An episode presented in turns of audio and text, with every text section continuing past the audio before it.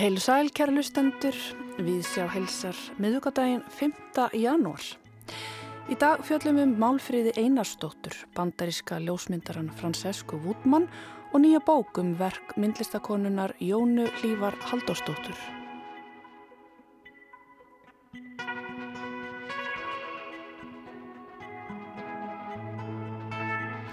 Já, verk þryggja listakvenna eru uppleg við sjár í dag.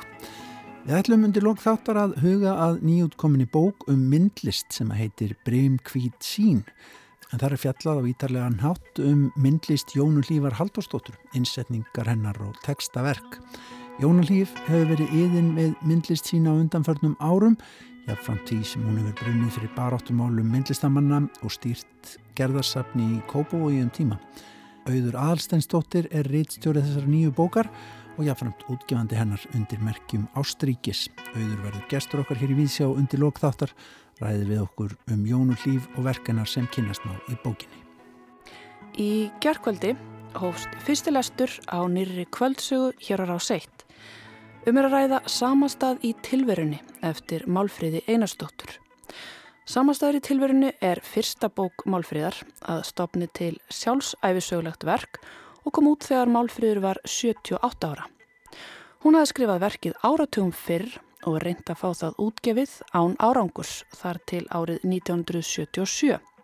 Við heyrum betur af verkinu hér á eftir og fáum brot úr viðtali sem að Steinun Sigurðardóttir tók við Málfríði árið 1978.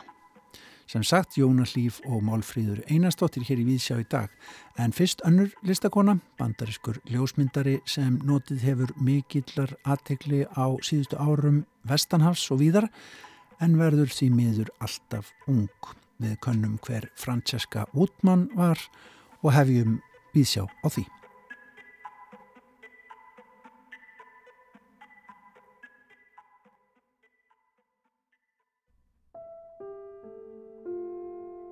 Hún fættist skamt frá bandarísku klettafjöllunum í borginni Denver í Colorado-ríki þar sem íbúar í dag eru eitthvað um tvöfalt fleiri en íslenska þjóðin.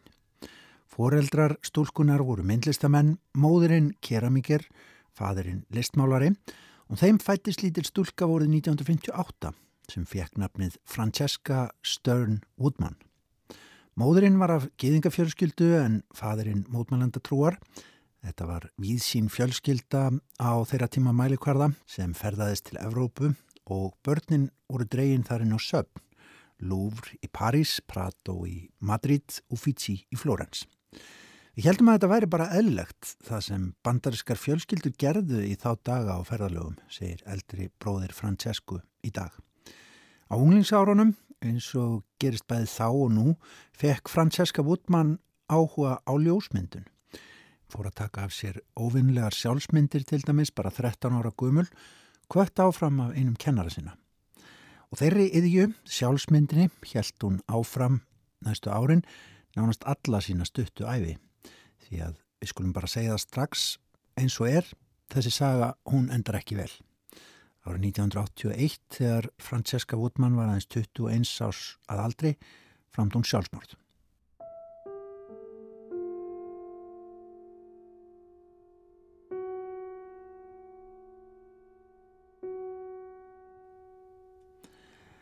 En nú lifir Otman áfram í verkum sínum.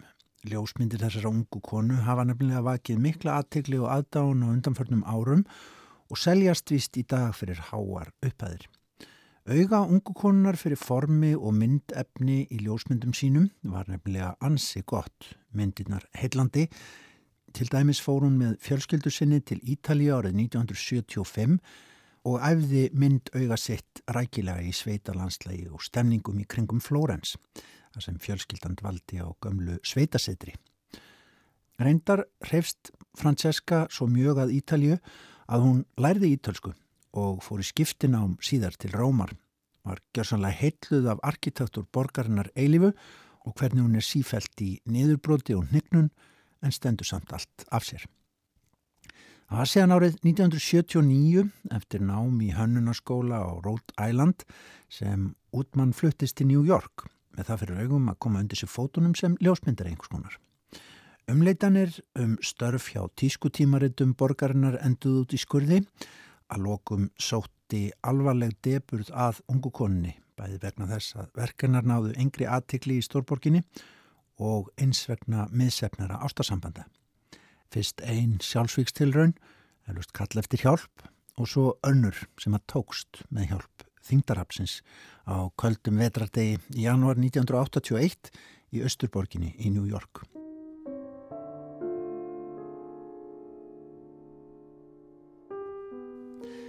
Það var skrifað um ljósmyndir þessar ungu konu, Francesco Woodman, á menningar vefsvæði Breska Ríkisútarsins BBC núna um miðjan desember. Þessar ljósmyndara sem alltaf verður ung. Sá sem þar held á penna var Andrew Dixon og ástæðan fyrir skrifum hans síning í galleríi einu í New York á torræðum og heitlandi verkum Woodman eins og Dixon lýsið þeim. Ljósmyndirnar virka en eins og gátur skrifar hann í greininni. Það eru næri allar svartkvítar og yfirleitt alltaf í sama litla sniðinu teknar á japanska Yashida myndavel. Sviðsetningarnar í myndunum eru oft leikrænar, jafnvel súrealískar eða gottneskar á einhvern hátt, stundum eins og hættulegar með einhvern ókveikjandi undirtón. Og af hverju spyr bladamæður BBC þarna á vefnum, ljósmyndaði útmann sig aftur og aftur til dæmis nakta í kirkjugörðum eða yfirgefnum húsum þar sem hún vafði um líkamassinn trjárótum og rótnandi gróðri. Er þetta feminískur gjörningur til vitnun í klassískan myndheim eða eitthvað allt allt annað og óræðana? Spyr Dixon sig í greininni og lesendur sína um leið og líkir myndum Francesco Woodman við gátur. Myndirinnar hafa ekki íkja oft geta notið sín á síningum en bók sem hún hafi unnið var vist dreift til gesta í jarðaförunni 1981. Nú í dag keppast ljósmyndarsöfn um að egnast verkanar og upphæðinar eru vist sannarlega uppleið. Það er málmanna, þeirra sem að þekkja betur til en sá sem hér talar, að þrátt fyrir ungan aldur hafi Francesca Woodman náð miklum tökum á ljósmyndinni sem listmiðli jafnveg strax á unglingsárum. Myndbyggingverkana er raffineruð, myndefni vel skipað niður á myndflötin, það stutt í áhrif frá því besta sem súrealísk ljósmyndun hefur upp á bjóða til að mynda. Listamenn eins og Dora Maar og Man Ray koma upp í hugan. Það eru sítrónur, loðunar af miklu, listakonan leggur einhvers konar fisk, áleða eitthvað slíkt, milli fóta sér í klætt röndóttum sokkabjósum. Framsetningin er kraftmikil og áhrifarík sér maður þó maður ger ekki nema stutt myndagúkl á netinu. Þetta eru sérkjænlega myndir, stundum erotískar en alltaf ljóðrænar. Einn viðmælanda í greinni á BBC, síningastjórin Katerina Jenrik, bendir á að þó að til dæmis sjálfsmyndir Vútmann kunni að virka sjálfsbrotnar eða spontant, þá séu þær yfirleitt vandlega samsettar, úthugsaðar og komponeraðar Það er engin tilviljun þarna, segir Janrik í greininni. Útmann er alltaf að gegnum vinna einhverja ákveðna hugsun eða hugmynd.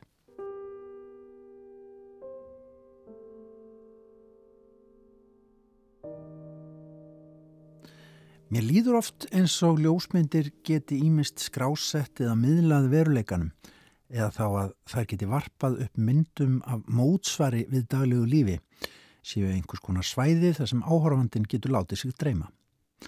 Þessi orður er höfðu eftir þessari ungu listakonu Francesco Woodman sem nú er að öðlast fræður um 40 árum eftir döðasinn. En samt eru verkanar auðvitað vel samsett sín á þetta sem við köllum veruleika. Hárn ákvæmt jafnvægi millir stjórnunar listamannsins og frelsis sem að virðist vera spunnið af fingrum fram.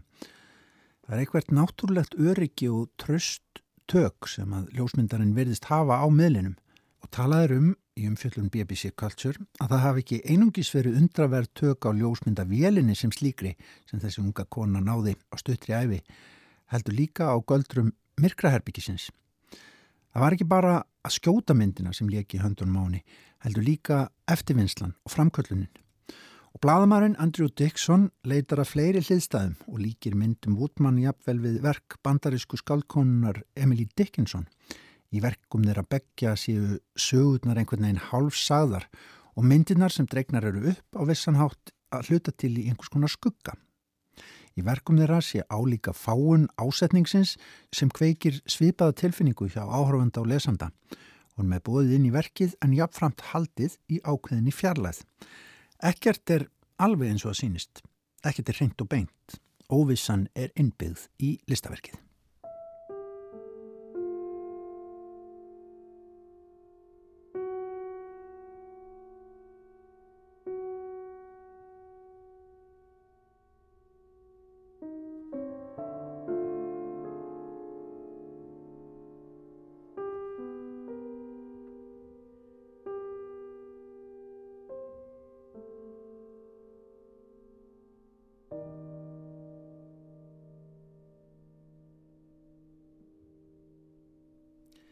Svo er það þetta með endalók þessarar ungu konu, þennan kalda janúardag í New York í Östuborginni þegar þingdarablið gekk til liðsviðana þegar ekkert virtist framundan nema svartnættið og hún vildi enda lífsitt. Hvað er dauðin í þessu öllu saman er spurt í greinin í BBC? Sérst hann í verkum Francesco Udman skiptir döðda í listamannsins á hverjum tíma einhverju málið þegar verk þeirra eru skoðuð. Eru verkin ekki hluti af lífinu frekar enn döðanum? Bendur á að samfélagið elski hugmyndina um hinn þjakaða listamann, ekki síst ungar konur og ekki sé þá verra að þær hafi verið afskiptar með list sína og meðan þær voru á lífi. Skildi því engan undra að Francesco Woodman hefur líka verið líkt við skáldkonuna á landarsinn Silvíu Plath. En þýða svona merkið með að reikvað er jáfnframt spurt í greininni. Það vil nefnilega oft enda svo að staðrindir skikja á upplifanir og tilfinningar og jafnvel listina sjálfa.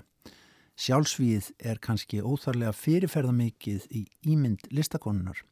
Bróðir Francesco Woodman varar til dæmis við því í greinni að myndirinnar séu lesnar sem einhvers konar sjálfsvíks bref til framtíðarinnar. Undir það síðasta fór Woodman fyrst að færa sig yfir í óhlutbundnar litljósmyndir, litríkar mjög, en hætti síðan alveg að taka myndir síðustu mánuðina fyrir döðasinn. Þunglindið verist hafa kæft sköpunarþrána í hennatilviki. Og það er mat kreinarhauðundar Andrew Dixon á menningarsíðu BBC að jafnvel þó að Francesca Woodman væri meðal okkar í dag væru myndir hennar enn mikilvægar. Við værum enn að horfa og klóra okkur í höfðinu yfir mynd heiminum, þessum litlu gátum ungrar konu sem fór allt, allt á snemma fyrir rúmum 40 árum. Niðurstaðagreinarnar Francesca Woodman vissi betur en all flesti listamenn að ljósmyndin er miðil skuggans, ekki síður en ljósins, blekkingarinnar og tálsínnar og hverfuleikans. Við vitum aldrei hvað er utan myndramanns, ekki frekar en við vitum hvað gerðist áður eða eftir að smelt var af.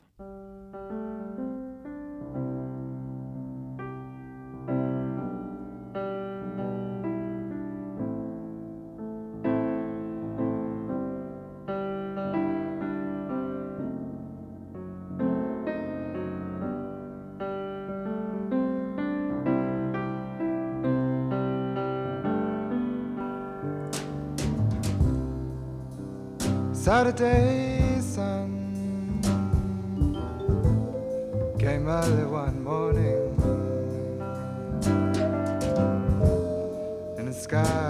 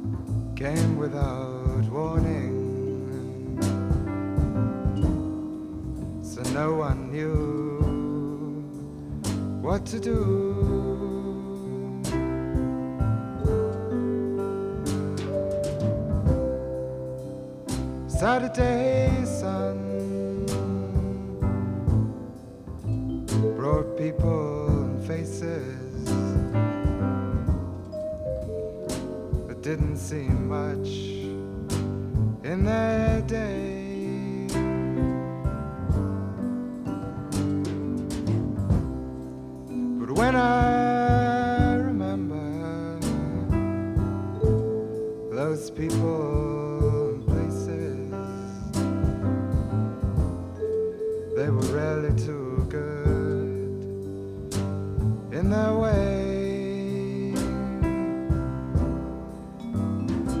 in their way,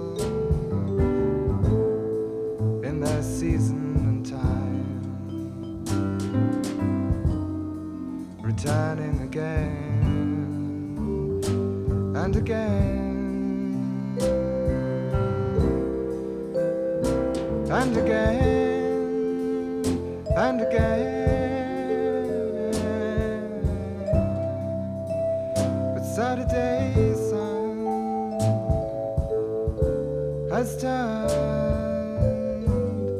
to Sunday's rain. So Sunday sat in the Saturday sun and wept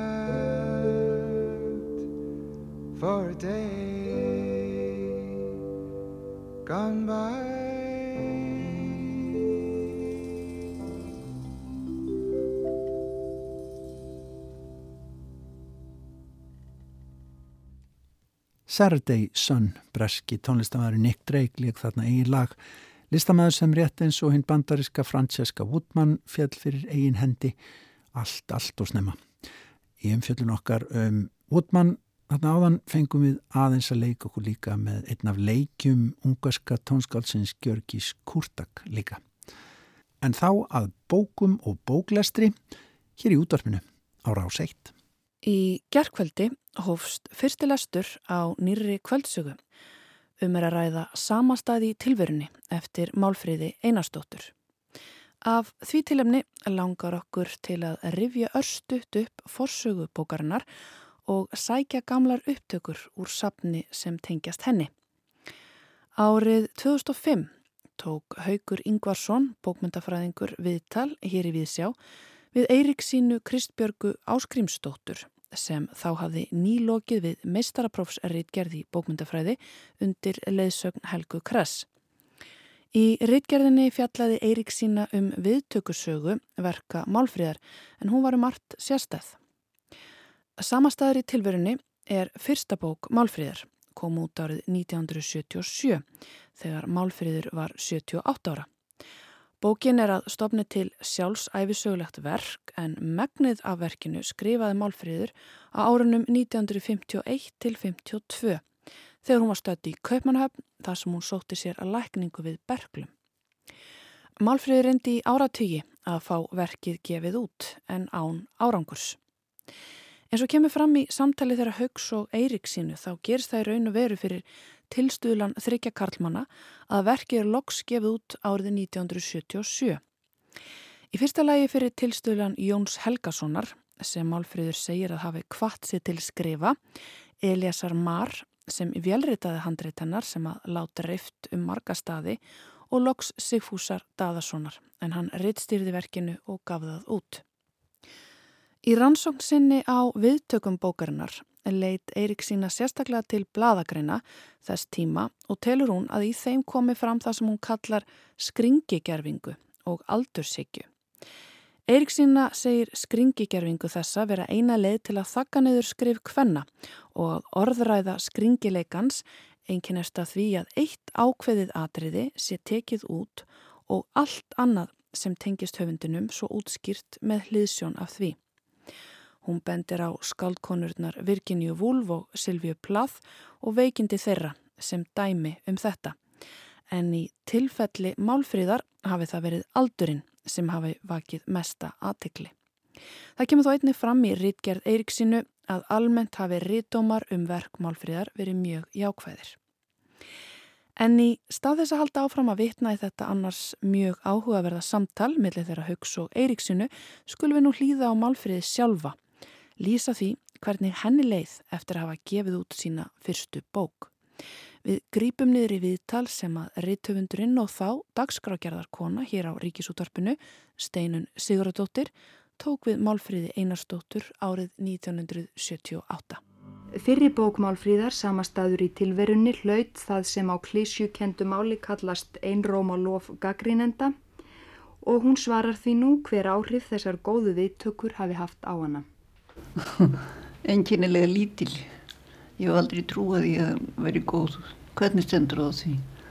Allir eru að segja mér þetta og, og ég hef aldrei getað sannað það fyrir sjálfur mér en það var núnt alltaf gaman að því samt Meinar þú að vera alls ekki átt vona á því að bókin er því svona vilt ekki? Og segi sinni, neini en svo var mér nú sagt að, að það líkaði ekki öllum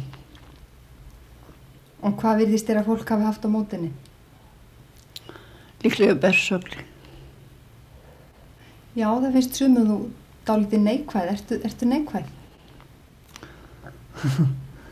Ég veit nú, ég veit nú ekki. Allir lífi sé ekki neikvægt hér á landu og annar staðar við það. Þessi Nína Tryggvadóttur var spurg hvers vegna málið þér abstrakt. Það er að því lífið er, nei, að því veröldin er abstrakt.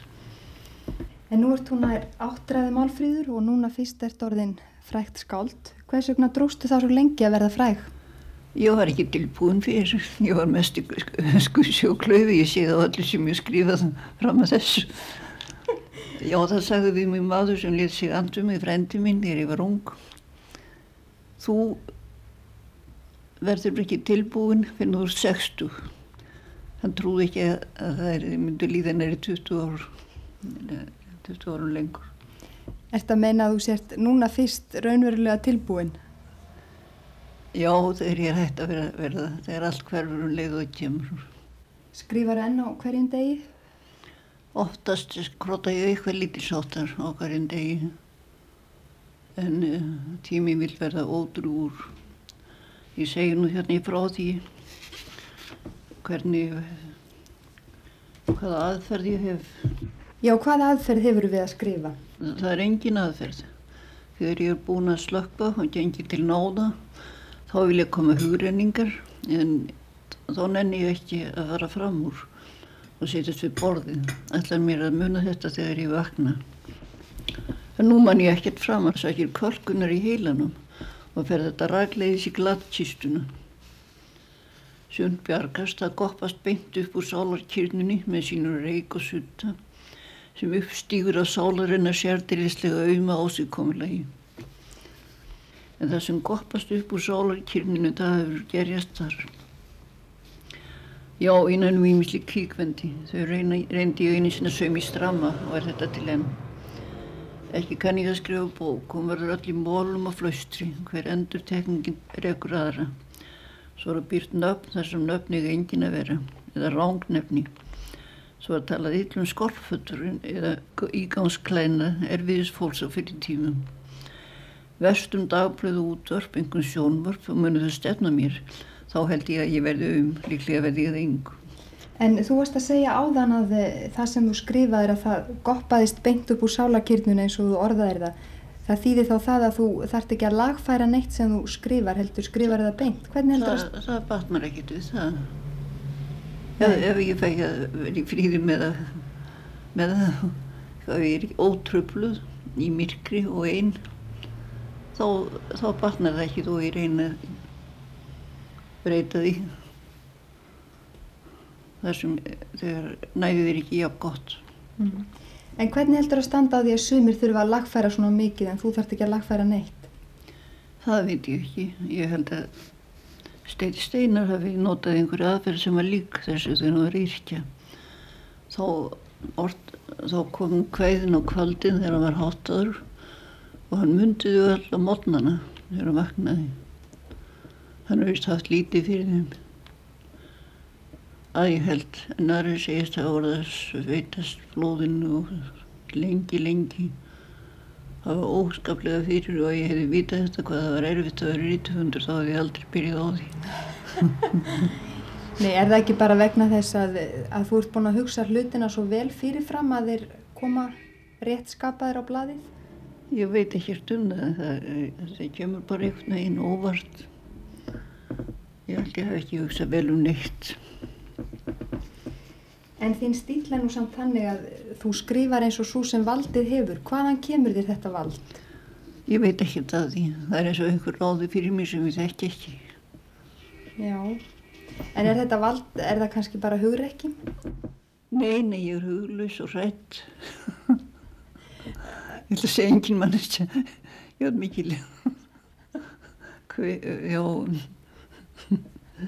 Æ.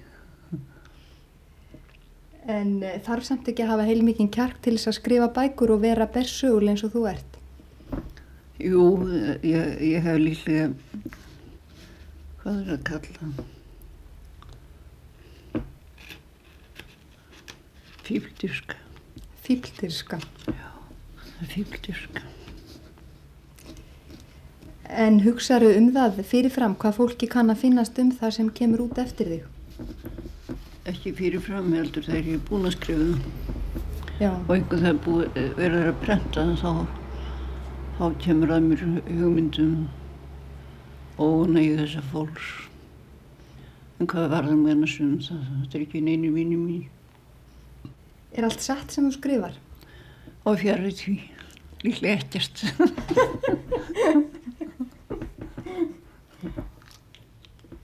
Já, þú segir í bókinu sem er að koma út núna að það sé ekki satt orð í s- sama staðnum í tilverunni. Er það nokkuð satt?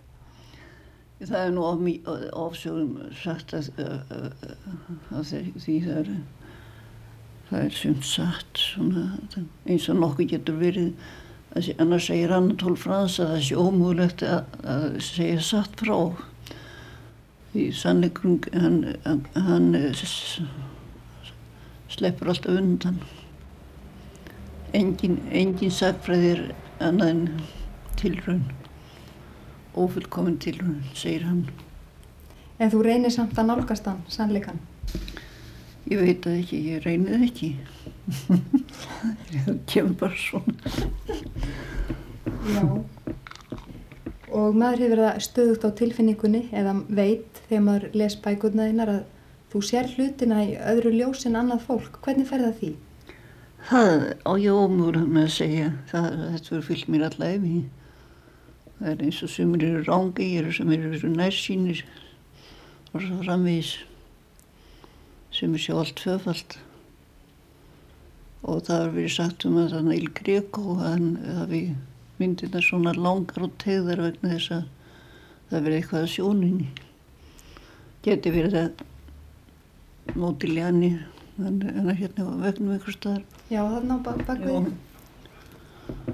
Hann hafi hatt það eins, hver veit. Og þessi hérna. Van Gogh. En ekki Torvaldsinn, hann hefur hatt normala sjón. Já, líklega. en þú meinar að þú getur ekkert að því gert. Þú bara sér hlutina öðruvísi og það er bara svona.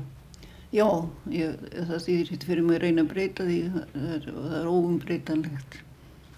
En uh, hugsaðu mikið? Ég, ég reyna ekki að hugsa, það kemur bara óvart. Allt kemur óvart. Hér heyrðu við nokkura mínútna brot úr klukkutíma löngu viðtali Steinunar Siguradóttur við Málfríði Einarsdóttur frá árinu 1978. En heyrum hér einni í lokin brot úr þættinum Bók Vikunar frá árinu 2015 þar sem að þáttastjórnandi ringdi í Steinunni út til Strasburg til að fá hennar álit á erindi bókarinnar samastaður í tilverunni fyrir samtíman. Mér finnst náttúrulega samastæri tilverinu eigi mörg erindi og Málfríður er í öllu sem hún skrifa reyndar, uh, sko algjörlega barn síns tíma í góðu merkingunni, að hún er tímalaus og uh, hún uh, hérna og um leið má segja þó hún, ég segi hún sé tímalaus þá vísar hún einhvern veginn fram á við, hún er alltaf, hún er ung í öllu sem hún skrifar, ung og fersk og hugsanlega er nú samanstæðurinn einn allra besta bókin hennar. Málfríður á alltaf verindi við okkur vegna þess að hún skrifar einhverja þá glæsilegustu og ótrúlegustu íslensku sem nokkur höfundur hefur skrifað. Hún á erindi við okkur vegna þess að hún er brautriðjandi meðal kvenriðtöfunda þó að hún væri uppgötu svona seint því að hún er að skrifa samanstæði tilverunni mörgum áratugum áður en hún kemur svo út árið 1977 og Málfríður hún er þannig eina af þessum ósýnilegu íslensku kvenriðtöfundum sem hafa þetta verið tilvæntalega í gegnum alla tíðina. Nema við erum svo heppin að hún kemur upp á yfirborðið, hún nær mikill í fræð en síðan er eins og hún falli í gleimsku því að þegar að hún fellur frá að þá verða hennar örlög þau sömu og margra íslenskra rítöfunda og rítverka að fólk gleymir þeim, gleymir því sem að allra síst skildi eins og, eins og hennarverkum og síðan á samarstæður erindi við okkur vegna þess að málfríður er að fjalla um Ísland og Íslandinga á algjörlega einstakann hátt. Hún er, hún er gífurlega hugrökk í sínum skrifum og beinskeitt og hún opnar okkur hérna nýja sín á, á Íslandið sem var til þegar hún er að vaksa úr grassi og þessa hérna fátaktir og hörmung þessa hluti sem að Íslandinga verða að muna eftir ef þeir alla að reyna að vera nokkur með einn heilbrið þjóð. Og ég held að eina skýringunum á því hvers vegna það er að fara svona illa fyrir mörgum hlutum á Íslandi er svo að Íslandingar kæra sig ekkit um að vita af því úr hvaða jarðvegið eru sprotnir. Og án þess að fólk allir eitthvað eigi eitthvað að vera að rýfa hársitt og berja sér á brjósta þá þarf það við þurfum að muna eftir því hvernig landi var, hvernig fátaktin var og svo framvið. Þetta er sama með einstakling sem hefur gengið í gegnum mjög erfiða hluti. Ef hann reynir að bæla þá, þá er hann veikur einstaklingur. Já, Málfríður á alltaf erindi því hún opnar okkur nýja sín á Íslandið sem var og sem er svo mikilvægt að gleima ekki að mati steinunar Siguradóttur nú fyrir utan hvað hún skrifar glæsilega íslensku og vegna þess að hún er brautriðandi meðal íslenskra kvennhöfunda, þrátt fyrir að hafa verið uppgötuð seint. Og við minnum á að umrætt verk, samastæður í tilverinni, er nú flutt á hverju kvöldi hér að ráseitt, einmitt í fluttningi Steinunar Sigurdóttur.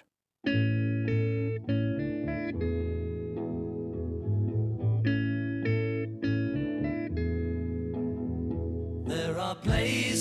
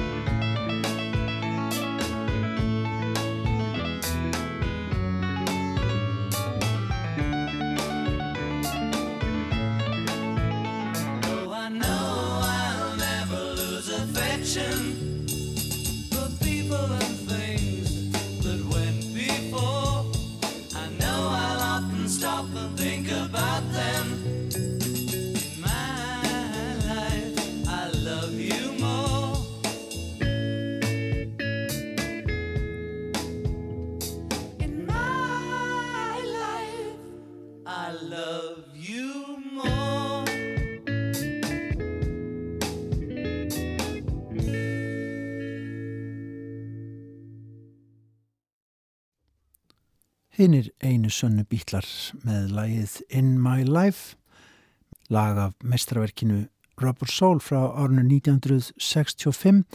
Tekstinn engum skrifaður af John Lennon en lagið auðvitað mert þeim báðum Lennon og McCartney, þessu ótrúlega dúi. Lag sem á ágætla við um áramót færa þakkir fyrir fólki í lífisinu.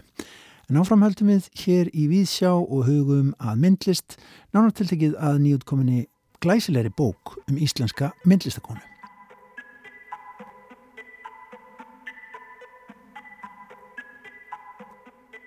Viðsjá fekk gær í hendurnar uh, glænýja myndlistabók sem heitir Bremkvít sín og uh, er heil mikil af vöxtum, glæsileg ný bökuð bók verður maður að segja. Uh, Jóna Hlýf Haldósdóttir myndlistakona er til umfjöllunar í þessari bók og myndverk hennar. Jóna Hlýf hefur starfa lengi sem myndlistakona og uh, tekið þátt meðal annars í réttinda baráttu myndlistamanna og verið sapstjóri í Kópavogi uh, til ákveðins tíma og, og, og, svo, og svo framvegs og svo framvegs og haldið fullt af síningum. Uh, hingaði kominn réttstjóri bókarinnar og reyndar útgefandi auður Aðarsnæsdóttir. Velkomin í Víðsjá. Já, takk. Sko auður, þegar maður sér þessa glæsilegu bók ykkar og einhvern veginn átt að segja á því á svona ferli myndlistakonu eins og Jónu Lífar sem að maður sér alltaf jó síningum á og til en kannski tengir ekki alltaf brotin saman. Þetta er svona alltaf eins og púsl maður, og þá sér maður að þetta er helst eftir myndheimur sem að Jónu Líf skapar í verkaninu Einmitt, það er svolítið skemmtilegt og við erum náttúrulega einbit okkur að textaverkunum hennar. Eh, bókin spannar alveg sko um tveggja áratuga skeið á hennar ferli mm.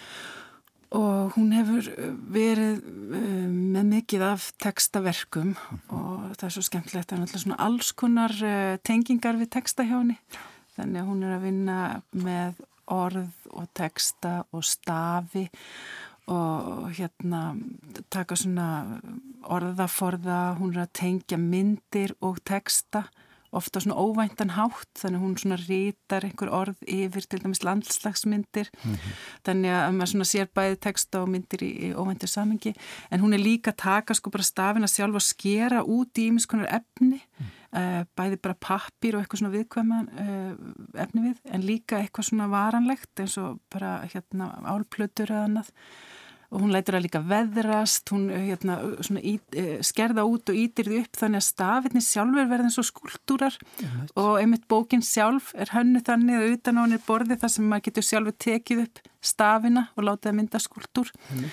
Þannig að hún er búin að vinna á svo margvíslegan hátt með texta í, í svo langan tíma og það sem við ákvæmum að gera í þessari bók er að, að hérna, einbytt okkur einmitt að textaverkunum og hún er eiginlega ekki heldur sett upp í tímaröð heldur er hún svona þemaskiptir kaplar eh, sem við ákveðum að, að þannig að einmitt til þess að reyna að sína einhvers konar heildarmynd, einhverja þessar hugmyndir sem liggja bak við verkin mm. og þessi þemu sem hún er að vinna með mm. sem eru svona textar, fyrir utan textana þá er til dæmis ljós og skuggar, hún lætur, hún sker út einmitt stafi, kannski stóra pappakassa og lætir á speiklast í vatni þannig hún er að vinna með speiklun ljós og skugga og annað og, og allt þetta svona einhvern veginn flétta saman í þessum tekstum mm. sem eru út um allt mm. og svo eru hérna, inn í bókin eru líka þá tekstar sem eru kannski lengri tekstar oft sem fylgja síningunum kannski liggja bara ljósprent frammi á síningunni, eitthvað sem tengist síningunum sjálfum, mm. þannig að hún hefur verið að semja þessa teksta sem eru oft stundum ljóðrænir þannig að hún er svona, hefur líka gjóð bókverk og eitt bókverk er þarna í bókinni uh, en hérna þannig að þetta er svona svolítið skemmtilegt hvernig þessi bók drefur kannski einmitt eins og segir fram uh, ákveðna heildarmyndaði hvernig hún hefur verið að vinna með þessi þemi þó Já. þetta sé ekki í rauninni, þetta er ekki yfirleits uh, sko, yfir allt, allan hennar feril mm. því að það er margt meira einmitt, einmitt. Nú hefur vita eflust einhverjir hlustenda okkar að, þú sjálfvert nú bókmyndafræðingur og hefur verið hér með umsjón með þáttum um, um bókmyndir bara í, í ansi mörg ár orðið varst með einn af umsjónum um hérna bókavíkunar á sín tíma til dæmis og, og hefur verið að fjallum bókmyndir hér hjá okkur í Víðsjá til dæmis í gegnum árin eh, Var það það að Jónalíf er að nota svona mikið texta sem að heillar þig. Er það það sem að kveikir í þér? Já, það allavega svona, er kannski leiðin mín inn í verkin hennar. Þú þarf texta? kannski, kannski er það allavega, ég veit ekki hvort ég þarf þess, en kannski er það svona fyrir mig sem bókmyndafræðing, það uh, gerir, uh, það auðveldara fyrir mig kannski að svona ganga inn í þetta eins og að reytstýra þessu og ég hef, uh, það er svolítið nokkur ár síðan, þá tók ég að mér að fjalla um eina myndlistasýningun hennar, þannig kannski svona byrjar mín vinna með hennar kringum hennar verk mm -hmm. og það treyst ég mig kannski af því að það voru tekstar og þannig get ég svona farið inn í það út frá mínum fórsendum mm -hmm. en auðvitað eru þarna áskorinni fyrir mig sem bókmyndafræðing að taka sér ná við myndlist og hérna en það eh, finnst mér alveg ótrúlega gefandi líka að bæta því einhvern veginn svona inn í Hvað var það sem kom þér á óvart svona þegar þú kemur að þessu og ferða svona krafsa í þessi verk og reyna að skoða þau og setja fram einhverjar eigur til þess að fjallum hér ætla ég að fjallum þetta á eins og þú ert að tala um að bókin sé þema skipt hvað svona hvað, hvað, hérna, hvað greip þig þegar tilkom? Já, sko, þú, ég, það sem hefur alltaf heitla mig kannski í sambandi við þessa textaðinar er hvernig, eins og ég segi hún, uh, þessi, uh, hvernig hún notar það á svo uh, margvíslegan hátt og þetta hvernig hún er svona að efniskera í rauninni tekstana í verkunum síni, það fannst mér svo áhugavert mm. og hún, eh, síðan lætur hún sko kannski tekstana sjálfa það sem stendur í verkunum Uh, það eru alls konar uh, skilabóð þar en uh, mér finnst einmitt oft fjallaðu um sko hverfuleika eða tíman og eitthvað sem veðrast, hvað endist og hvað endist ekki. Mm -hmm. og fyrir mér þá var fast mér þetta kannski mjög heitlandi með hugmyndinum sko orð og texta. Að þegar við skrifum texta á blað, við erum með blek og, og blað og við reynum að skrifa orðin niður, þá erum við náttúrulega að reyna að gera þau varanleg mm. En á móti kemur að uh, það er náttúrulega mjög auðvelt að þú veist eiðilegja eitthvað sem er á bladi, það eiðist og, og hérna kannski getur það sem bara uh, lifir í munleiri gemt verið endingabetra heldur en eitthvað sem að uh, tortímist í veðrast og annað. Mm. Þannig að bara þetta samspil með hvernig við erum alltaf að reyna varðveita, við erum að reyna að geima eitthvað en hversu viðkvæmt það er og einmitt þessi orð og tekstar uh, það fannst mér svona eh, vera sérstaklega heitlandi, það var það eitthvað sem að svona mér, en, en svo finnst mér líka svo áhugavert að, að hérna, við fengum fleiri til að skrifa þessa bók. Uh, við fengum til dæmis Sigrun Albu Sigurðardóttur og, og hérna Guðbjörgur Jónusdóttur til að hérna, skrifa í bókina, svona fræði menn úr uh, listaháskólanum og hérna og þá komur svona ný sjónarhátt þar Já. það eru kannski upptegnir að svona samband við náttúruna mm -hmm. og það er hvernig við reynum að koma orðum á náttúruna og Jónarlífi líka mikið að vinna með það eins og ég nefndi að hún kannski letrar orð yfir myndir af náttúrunni, það er þetta með samspilið, eh, hvernig það orðin sem við notum eh, yfir náttúruna, hvernig þau kannski breyta upplifin okkar líka af náttúrunni. Mm -hmm. og svo framvegis þetta, allt, allt þetta samspil finnst mér einmitt svo heillandi og hvernig hún einhvern veginn nær alltaf að skapa nýjar og nýjar svona tengingar og pælingar í kringum teksta og myndir. Já og, og hérna og svo er hann uh, að spá í ímyndarsköpun og annað þannig að hérna og yfirleitt bara oft kemur svona mjög óvæntar uh, pælingar fram í því að... Svo heilmikið humor í þessum verkum líka. Já, það er, það er nefnilega hérna til dæmis hér uh, einn fyrsta myndin í bókinni er og svona skemmtileg upplifun maður eða finnur fyrir fyrirbærinu sem er að fjallum hér í mynd sem heitir einfallega Íslensk þögn það stendur íslensk þögn og það er búið að lifta stöfunum frá myndflutinum uh, og þarna er líka svona fjálslíð undir. Og maður skilur alveg hvað hann við ef maður hefur hérna, upplifun af íslenskri náttúru. Mér langar hans að grýpa niður í grein sem að hérna, Sigrun Alba skrifar, Sigurðardóttir. Uh, hún vitnarar til verka Hartmut Rósa uh, þess sem að fjallar um svona óhjákvæmlegt misgengi millir veruleikans og svo upplifunur okkar þegar við kemur að því að miðlunum og milli manneskja, einhvern veginn. Og hún skrifar hér, uh, Jónan Líf Haldurstóttir tekst á við þetta flóknarsamband við veruleikan í verkum sínum.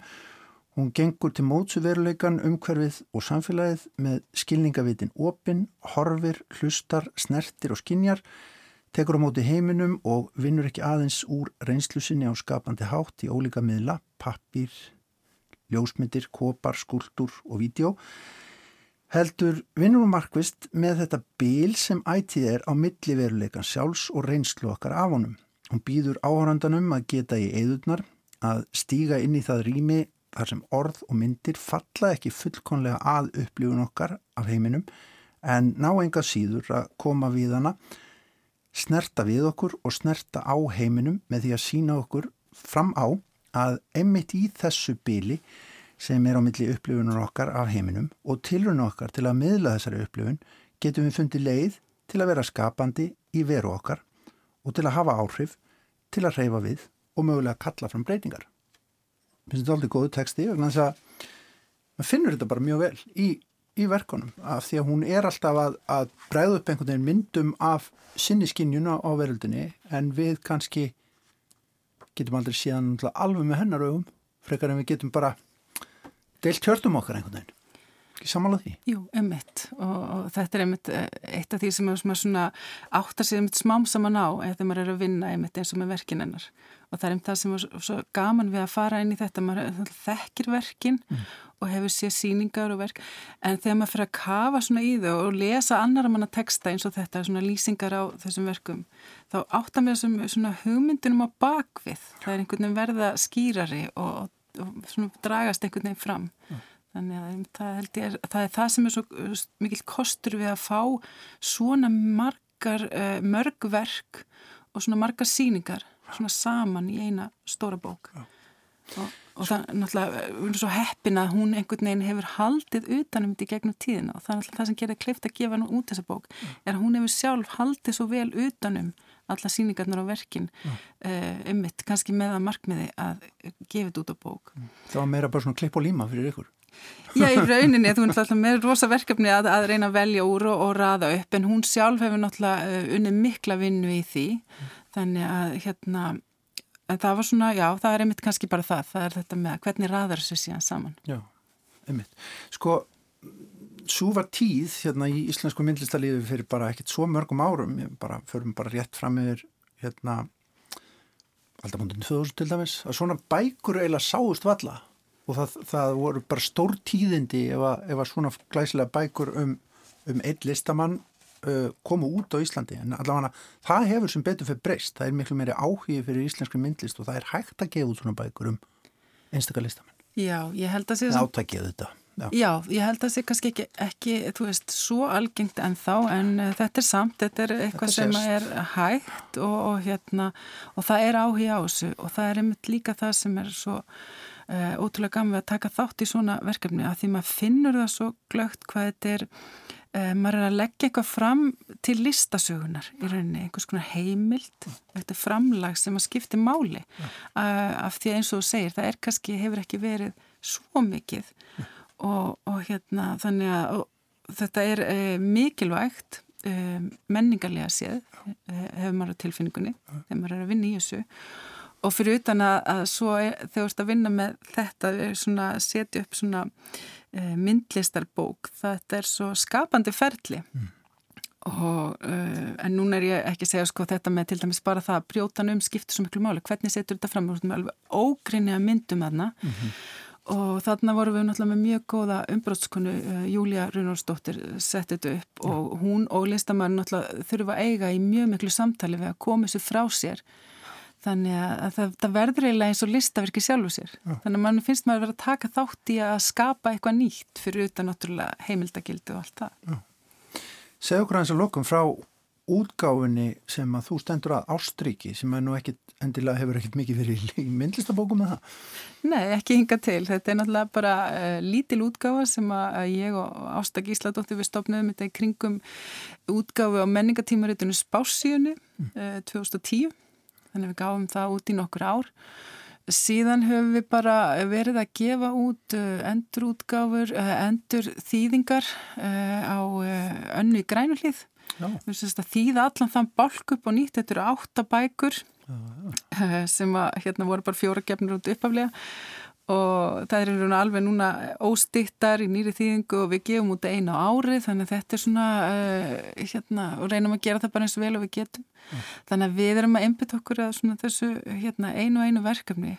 Eins og með þetta, þetta kemur upp í hendunar á okkur. Mm. Og hérna þá uh, viljum við náttúrulega gera þetta bara eins vel og við getum. Þannig að kannski bókin ber þess merki að við hérna förum í þetta svona alveg heilum hug. Ja. förum alla leið. Að búa nostra við þetta. Einmitt. Glæsileg bók, Auður Aðarstinsdóttir takk fyrir komin í viðsjá, við bendum á þessa bók um verk Jónu Hlívar Halldórsdóttur, hún heitir upp á íslensku. Brim Kvít sín en Surf White Vision á ennsku, má taka það fram að þetta er tweeting bók Takk kærlega fyrir komin í viðsjá til hamngjum með þetta. Takk fyrir.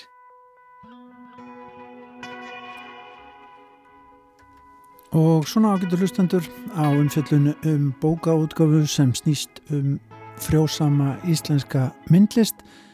Ljúkuðum við sjá í dag verðum hér aftur á morgun á fymtudegi okkar venjulega tíma klukkan 16.05 en þátturinn þá verður með óheðbundnu sniði í kjálfar áramóta þá veitir ríkisútvarpið menningar viðurkenningar.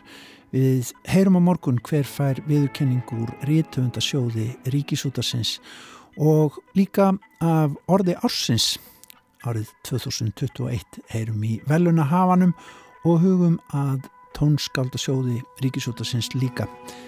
Ráð þeirra menningamála og viðskiptaverður í þættinum og útastjóri til þess að setja þetta allt í samhengi fyrir okkur. En fylgist með okkur á morgun klukkan 16.05 ágættu hlustendur. Takk fyrir samfélgin í dag. Verið sæl og hafið það sem allra best.